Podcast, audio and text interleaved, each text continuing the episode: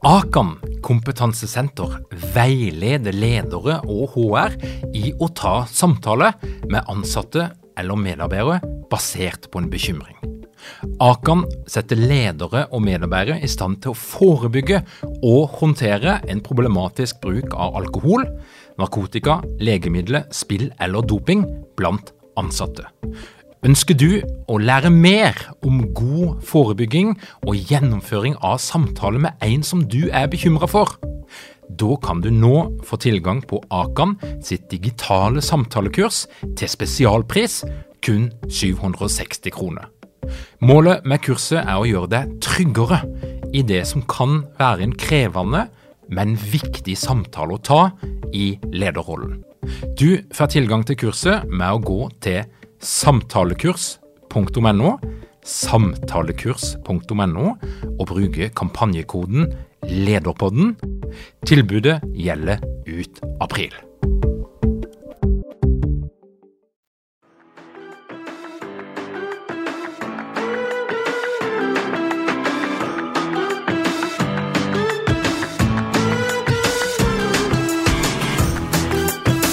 Velkommen til Lederpodden. Mitt navn er Tor Åge Eikerapen. Jeg jobber som organisasjonspsykolog, og dette her er en podkast om ledelse.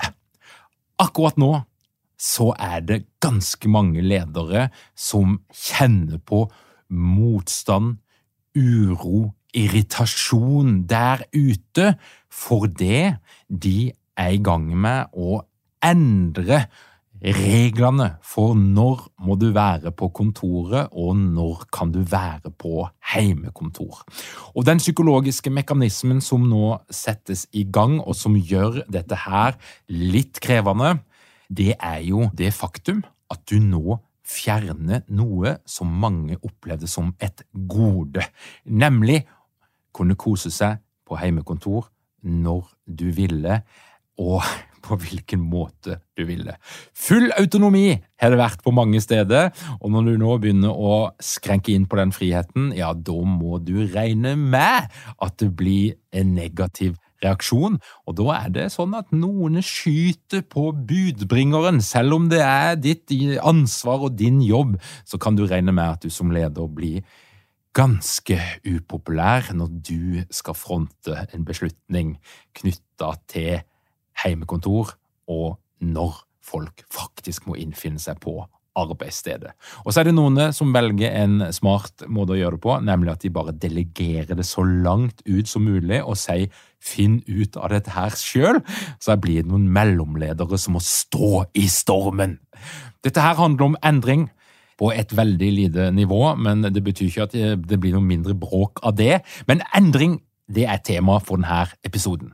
Og nå har jeg drevet og intervjua snart 100 personer i denne podkasten, og veldig mange av de har gitt meg innspill på endring og det å lede i endring. Og nå føler jeg det er dags for å kanskje oppsummere litt, dra trådene sammen og, og, prøve å sette litt ord på hva det jeg har lært da, gjennom alle de her samtalene jeg har hatt de siste par årene knytta til endring og ledelse. Og det skal du få greie på nå.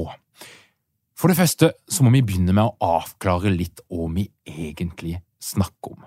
Det har blitt referert til Nicolai Tangens uttalelse mange ganger om at endringsledelse er kørka.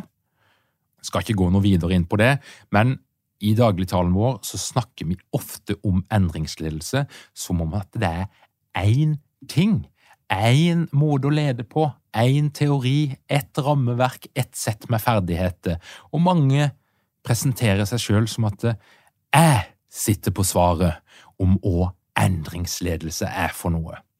Og det er feil! For det er iallfall har kommet fram til, det er at nei, endringsledelse det kan være ganske mange forskjellige ting. Og det kan være veldig ulikt. Og det handler altså om konteksten som denne ledelsen skjer innafor. Det betyr at du kan være veldig god på én type endringsledelse, men mindre god på en annen type endringsledelse.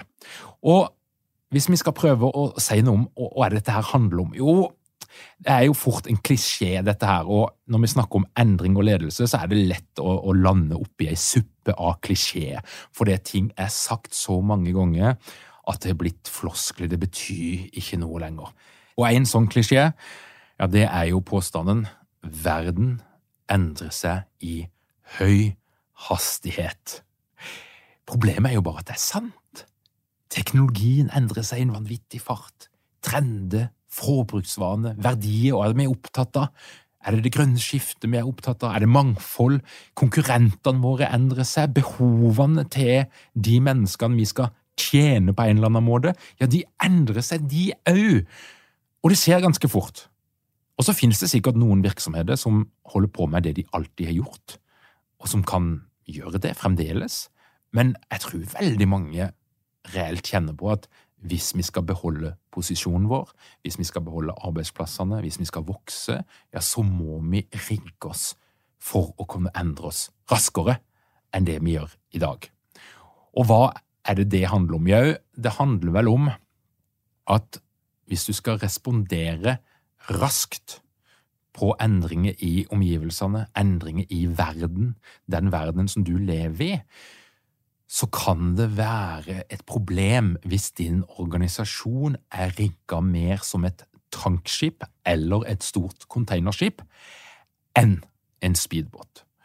Og det er jo det som skjer med organisasjoner. De vokser, de blir mer komplekse, de tjener gode penger og har gjort det bra, og så bygger de byråkrati og systemet som gjør at en ligner mer og mer på et tankskip eller et containerskip enn en speedbåt. Og Det gjør at når ting endrer seg dramatisk i omgivelsene, som for eksempel covid har vist oss, så klarer ikke det store containerskipet å endre sin navigasjon fort nok. Og Derfor så sitter jo da mange i de her containerskiporganisasjonene og kjenner på og lurer på hvordan skal vi bli mer lik en speedbåt? Hvordan kan vi rigge oss, hvordan kan vi organisere oss så vi kjappere klarer å ta inn over oss endringer, forandre oss og tenke på en ny måte, sånn at vi kan overleve og være minst like store og viktige i framtida? Jeg tenker at det er litt dette det egentlig handler om. Og da er det jo tre ting som er veldig avgjørende. Det er struktur, altså hvordan organiserer vi oss, hvordan eh, setter vi sammen denne organisasjonen? Hvordan jobber vi for å klare det å være såkalt agile, altså fleksible, responsive på endring. Og struktur er viktig her, og jeg tenker jo at struktur òg er med på å bygge kultur. Hva slags kultur må vi ha? Hvilke uskrevne regler, hvilke normer, hvilke tankesett, hvilket verdensbilde må vi ha i vår kultur hvis vi skal være best mulig rigga for å møte alt dette her nye? Hva er det vi må endre på i vår kultur? Hvis vi skal klare å kaste oss rundt kjapt nok på det som måtte komme rundt neste sving. Og de ekstreme eksemplene, det er jo Netflix, det fins Amazon, alle de her store. Veldig få norske virksomheter som ligner på dem, men det fins jo etter hvert noen gode beskrivelser av den type kulturer, og de er nok radikalt annerledes enn mange eh, tradisjonelle virksomheter, eller det de virksomhetene kjenner seg igjen i. Og så handler det jo om ledelse. Hvordan skal vi bedrive ledelse i vår organisasjon hvis vi i dag er et tankskip, og så ønsker vi å ligne mer på en speedbåt. Når jeg snakker med S-banken, så sier de at nei, vi skal faktisk ha litt mindre ledelse. Vi skal ha mer frihet og mer autonomi, og så er det en del ledere som må finne seg i å bli såkalte agile coacher, og der beslutningene flyttes ut i noen autonome team. Det er iallfall det vi ønsker å prøve på. Så S-banken sier at de struktureres annerledes. De, de dyrker kanskje en litt annen kultur og de dyrker definitivt noen andre tanker om ledelse enn det de tradisjonelt har gjort i bankverdenen. Og sånn jobber de med det. Og Det jeg kommer fram til, som jeg er nesten litt stolt av, altså, at, eh, og, det kan være, jeg, har prøvd å finne dette her i litteraturen og, og, og rundt forbi, det, men jeg har ikke klart det. Men nå har jeg prøvd i fall å sette sammen fire ulike typer organisatorisk endring, som òg krever kanskje fire ulike former, minst, for endringsledelse. Så det er i hvert fall fire områder jeg ser som krever noe helt spesielt av deg som leder, og jeg tror kanskje ikke du kan være god på alle de her områdene samtidig, men du må finne ut hva er det som er viktig for deg. Og Det betyr jo at hvis du tenker at du skal lære deg noe veldig sånn generelt om endringsledelse, så er sikkert det mulig, men jeg tror du må gå litt dypere, og så må du spørre hva slags type endring er det som er mest relevant for deg og din organisasjon i tida framover. Og det det kanskje er mest av rundt forbi, det er det som kalles inkrementell forbedring. Det er altså alt det som skjer i en organisasjon som handler om å gjøre ting litt bedre, prøve å oppnå noen gevinster, justere, pusse. Det kan jo være ganske dramatiske og store ting. Det kan være sammenslåinger, og det kan være noe som oppleves som veldig stor endring, men, men, det endrer ikke selve kjernevirksomheten. Det endrer ikke forretningsmodellen, det snur ikke opp ned. Det er ikke disruptivt. Og Derfor er det da inkrementell forbedring av en eller annen slag. Altså forbedringstiltak. Det kan være en metodikk som du innfører, det kan òg være noe annet. Eh, metodikk er jo da typisk lean, agile metode, agil organisering, og du kan strekke det så langt som TIL-organisering der vi snakker om helhet, autonomi, at det er noen andre verdier du jobber for enn å gi aksjonærene dine penger. Du skal faktisk se at du skaper noen resultater som gjør en forskjell i verden, for eksempel Patagonia og Burtsorg, som er definert som typisk TIL-organisering. Men inkrementell forbedring er nok det de fleste driver med når de snakker om endring og endringsledelse. Men også er det òg noe annet som mange har måttet kjenne på de siste ja, par årene, og som kanskje en ikke hadde noe forhold til før. Og det er jo da kategorien som jeg kaller for reaktiv respons. Det vil si krisehåndtering, nedskjæringer, permitteringer, kostnadskutt. Altså endringer som handler om at du reagerer på et eller annet negativt som har skjedd, og så reagerer du i ettertid. Så det er ikke planlagt. Du kan jo godt ha trent på det, og du kan ha hatt noen tanker om det, men det er noe som kommer litt brått på, og der du må håndtere det på et eller annet vis. Og gjerne innenfor en litt negativ ramme. Nå brenner det, nå må vi slukke den brannen, nå må vi fikse dette her. Det er altså en helt annen form for endringsledelse, men det handler òg om endring. Reaktiv respons, kriseledelse. Og så har vi jo det som da er litt mer spennende og gøy og positivt, og det er jo da det som kalles radikal innovasjon, eller disrupsjon, som er en veldig annen måte å tenke på enn reaktiv respons. Og det det handler om der, det er jo at eh, en idé om at hvis du har en eh, virksomhet som er et containerskip eller et tankskip, så skal vi skape noe nytt som vi tror kanskje kan bli viktig for oss i framtida. Det en da har oppdaga, og da er det bare å høre på podkasten med Inger Stensaker, det er at det kan være ganske vanskelig å skape noe helt nytt og annerledes innenfor et eksisterende system eller et eksisterende tankskip. Og hvis du skal lage en forretningsmodell som er kanskje så annerledes at den etter hvert kan true den eksisterende forretningsmodellen eller bli en slags konkurrent internt, så er det vanskelig å få det til innenfor et etablert system. Det en ser, er at en støyter ofte på kultur, en støyter på struktur, som hindrer en frihet som en trenger for å tenke helt nytt. Og der kommer da den tohendige modellen inn, det er det DNB gjør med VIPS, det er det Skipsted gjør med sine podkastkonsepter og finn.no og alle de her tingene. Det er at de etablerer noe nytt, som kan være som et prosjekt eller som en avdeling, men det må ha tilstrekkelig avstand til moderskipet. Det må ha frihet til å kunne operere utenfor den eksisterende kulturen, utenfor de eksisterende strukturene, men samtidig så må du ha et bånd til moderskipet som gir deg tilgang på penger og infrastruktur. For det er jo det som er poenget her. Du skal ikke starte noe helt nytt fra scratch. Du skal ta med deg et eller annet fra det gamle, men du må ha tilstrekkelig frihet til at du kan starte noe nytt. Og det kalles altså radikal innovasjon. Eh, og så kan du godt plusse på inkrementell forbedring av et eller annet slag, om det er noe agilt eller hva det måtte være, på det nye. Bergen Bank, eh, nei, Vestlandsbanken er det det, som, som har Bulder Bank. Eh, det er BKK som har etablert Volte, er eksempler på den type radikal innovasjon. Og Hvis du da leser boka The Invincible Company av Alex Osterwalder og gjengen fra Strategizer, så nevner jo de da Netflix, Amazon, Alibaba, som dyrker en sånn type porteføljetankegang, der du har massevis av prosjekter som egentlig fungerer som autonome startups inne i virksomhetene, men de har ekstrem grad av selvstendighet. Og det er metoden de bruker for å gjenoppfinne seg sjøl på nytt og på nytt og på nytt, sånn at de hele tida skal etablere nye måter å tenke på, nye forretningsmodeller, og så vet de at noen av de her startupene de vil gå under, og noen av de vil overleve.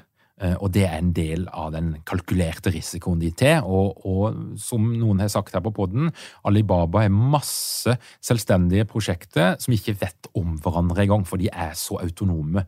Og så vet en at noen av de vil lykkes, og skape det som blir viktig i framtida, mens andre vil ikke klare seg. Men det er helt greit, for de har såpass mange prosjekter gående at en betydelig andel vil lykkes.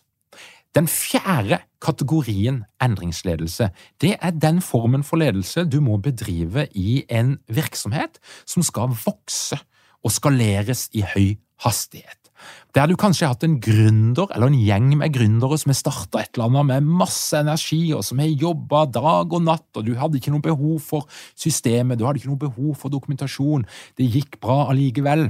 Og så blir du ti ansatte, og så blir du 20 ansatte, og så blir du 30 ansatte, og så må du etablere mer struktur, du må bevege deg ifra kaos mot struktur, du må bevege deg fra taus kunnskap til mer dokumentasjon, ifra tilfeldigheter, kunnskap som er i hodet på folk, så må du få det inn i en eller annen prosedyre, og du må gå ifra at alle har tusen hatter og gjør alt på en gang, til at du får mer etablerte og tydelige. Har dere mange ledere uten trening eller utdannelse innen ledelse? Mangler dere en felles kultur og praksis for ledelse? Ønsker dere å være bedre rustet for fremtidig vekst og endring? Da kan et internt lederutviklingsprogram være en god investering. I Execu så er vi eksperter på å designe og gjennomføre bedriftsinterne lederutviklingsprogram. Hvis du ønsker å lære mer om hvordan vi kan hjelpe dykken til å få enda bedre ledere, ta og klikk deg inn på execu.no.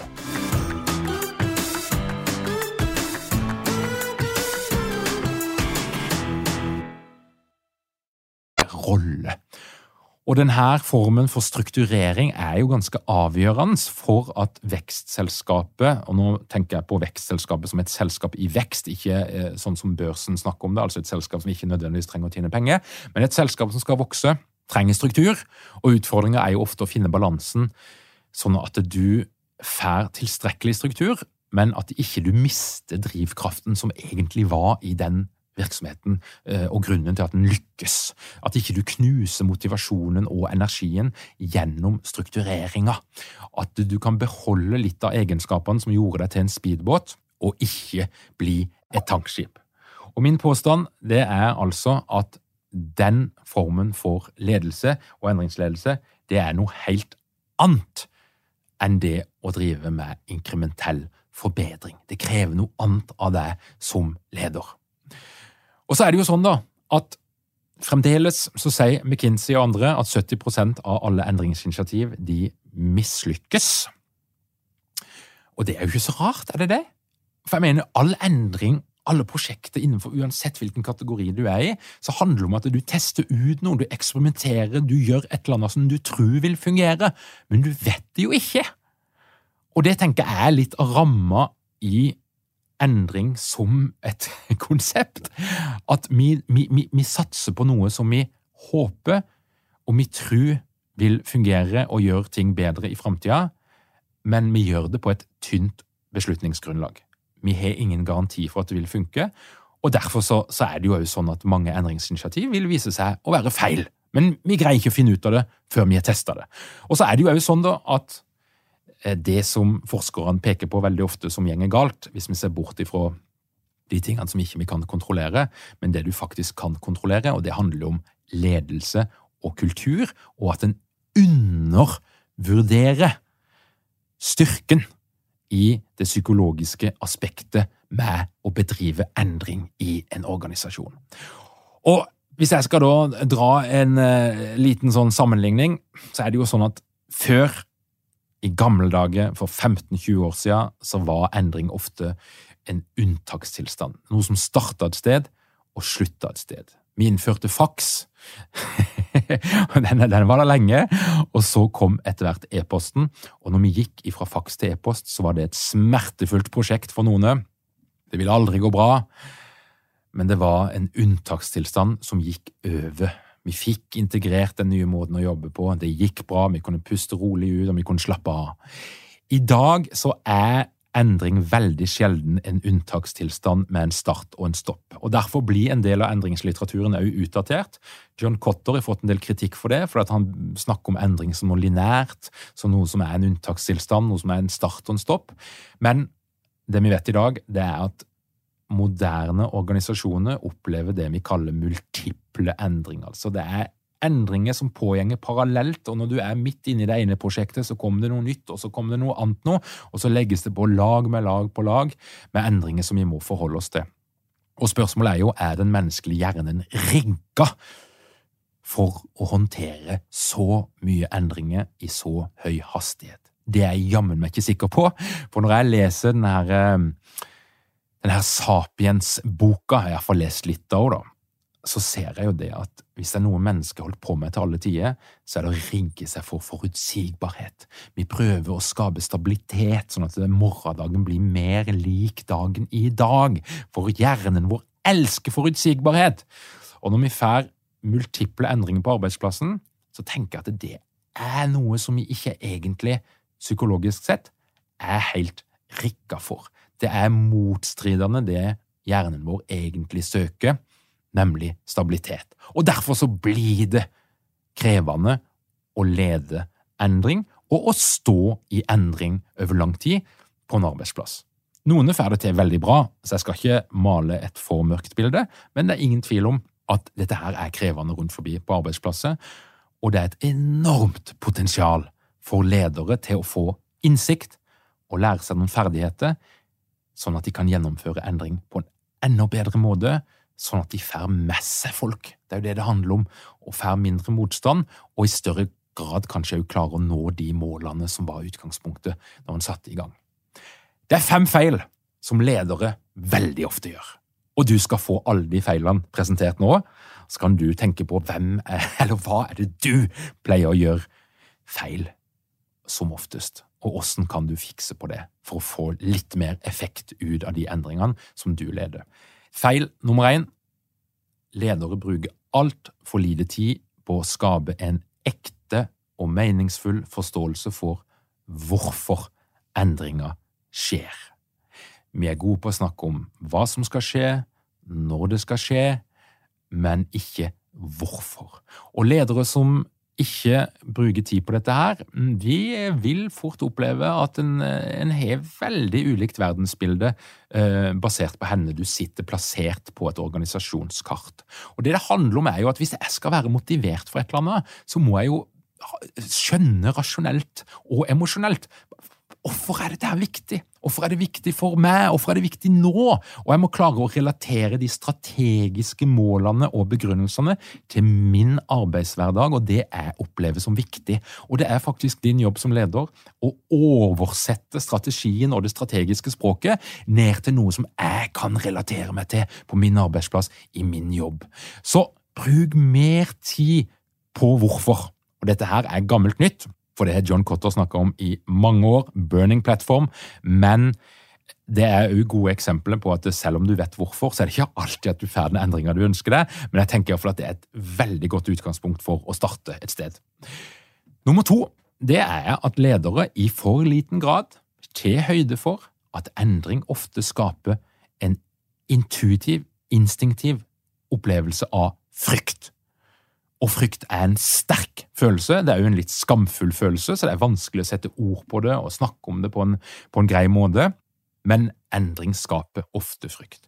Frykt for å miste noe, frykt for å ikke ha den kompetansen som en trenger for å møte alt dette her nye. Kanskje var du en superbruker i går, du er en av de som folk kom og spurte om råd, men hvem er du når alt dette her nye skal innføres, og du ikke føler at du har kompetansen som trengs? Det er en naturlig frykt. Og det er òg naturlig å kjenne på en frykt for å miste noe, for i alle endringsprosesser så mister du et eller annet. Og Hvis ikke du tar høyde for det som leder, eller klarer å møte det på en eller annen måte, ja, da er det jo lett for at de her følelsene og den energien som ligger i frykten, kommer ut et annet sted, og kanskje et mindre konstruktivt sted enn hvis du hadde tatt tak i det, og hvis du hadde møtt det og anerkjent det som en legitim, menneskelig følelse, altså å kjenne på frykt når det innføres nye endringer og mange kjenner på frykten for å miste jobben, selv om ikke det er på tapeten eller på agendaen i det hele tatt. Eller hva er det som skjer nå rundt neste sving? Og Klarer du å ta den frykten på alvor, klarer du å møte den, klarer du å anerkjenne den og stå i det, så tror jeg du har gjort et godt stykke jobb i din endringsledelse. Når ledere snakker om at nå skal vi jobbe smartere. Da er de på vei inn i feil nummer tre. Og det handler om kommunikasjon som blir fortolka, ikke alltid med godvilje, men av og til med litt vondvilje. Og jeg skjønner det godt. Hvis det er mye som skjer, og, og, og mye i bevegelse på en arbeidsplass, så er det naturlig å kjenne på at eh, en kanskje tolker ting mer negativt enn det det var meint som.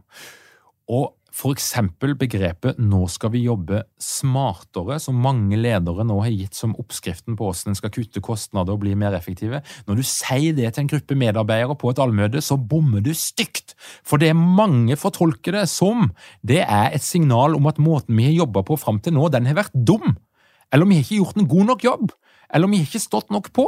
Og det er jo ikke sånn folk opplever seg sjøl. De fleste opplever jo at de har gjort en god jobb, og de har jobba smart. Så det å bruke den type begreper skal du passe deg litt for. Det høres kanskje litt vel sensitivt ut, men det er sånn vi mennesker fungerer, at vi er følsomme på alle signaler som handler om blir jeg anerkjent eller blir jeg avvist. Og når du snakker om at nå skal vi jobbe smartere, så vil det lett bli tolka som en avvisende kommunikasjon. Det er mange eksempler på dette. her. Det andre er jo når ledere overdriver alt det positive som skal skje bare vi klarer å endre oss, og så høres det ut som at alt vi har gjort fram til nå, har vært dumt. Og så underkommuniseres de åpenbare negative konsekvensene med det nye. Selvfølgelig skal vi gå inn i det nye med positivitet og energi, men vi må òg klare å samtidig sette ord på de negative konsekvensene som en endring vil medføre for noen av medarbeiderne, hvis du skal være troverdig. Pluss og minus.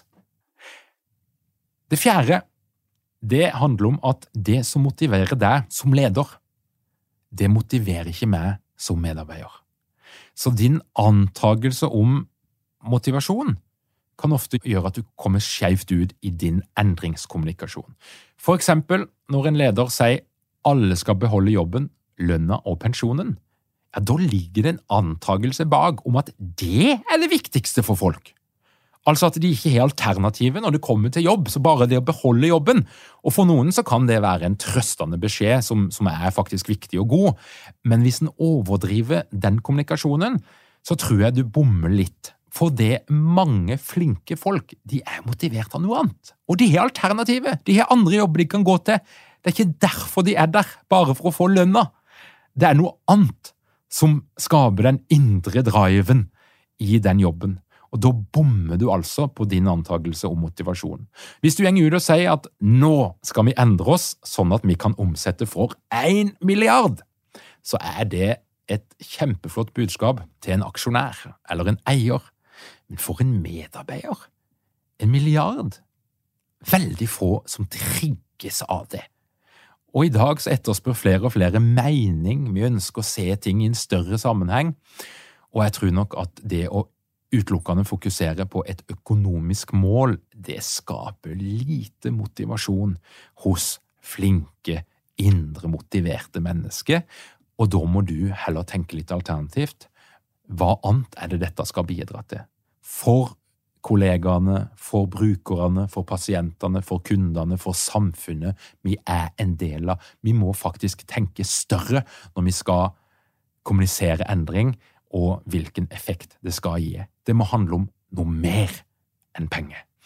Det siste det handler om å håndtere det som Amundsen og Kongsvik på NTNU kaller for endringskynisme, eller bohika-effekten, bend over, here it comes again, altså et fenomen der medarbeidere blir endringstrøtte og leie.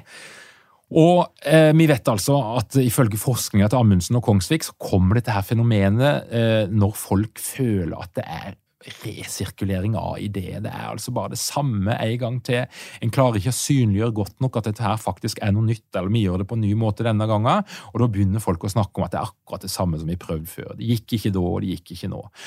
Og Hvis du i tillegg ikke klarer å synliggjøre resultatet av de endringene som blir gjennomført i organisasjonen, så mister jo folk litt trua, da.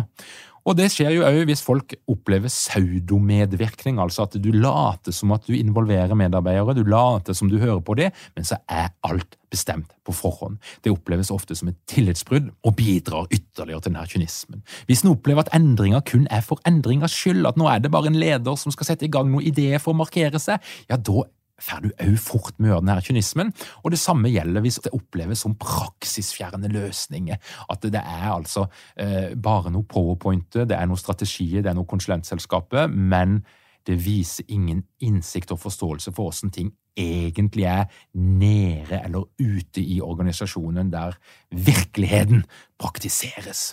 Og dette her handler jo ikke nødvendigvis om at det, de her antagelsene og fortolkningene er sanne eller rette, men det handler om at du som leder du må imøtekomme det, og du må håndtere det, og du må kanskje òg forebygge endringskynismen.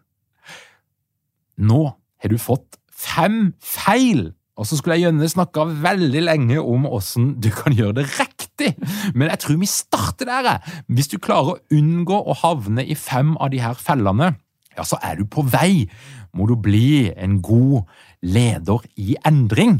Men som jeg sa tidligere, det kommer litt an på konteksten. Endringsledelse er ikke én ting, men jeg tror nok mange opplever at uansett hvilken endring du bedriver, så vil du møte på noe av denne psykologien, denne kulturelle faktoren, når du kommer til det å lede endring, og derfor er det jo noe universell kunnskap, litt på kryss og tvers av ulike måter å lede endring på. Jeg ønsker deg lykke til i alle de endringene du stender oppi nå. Jeg håper at du øhm, overlever alle reaksjonene på det nye regimet for heimekontor. Hvis ikke så får du bare ta kontakt, så skal vi ta og snakke litt om det. Det har jo en tendens til å hjelpe litt. Men Tusen takk for at du hører på Lederpodden. Hvis du ønsker å følge med på alt vi gjør, og få en e-post hver fredag med noen tanker ifra mitt hode, så gjenger du inn på lederpodden .no.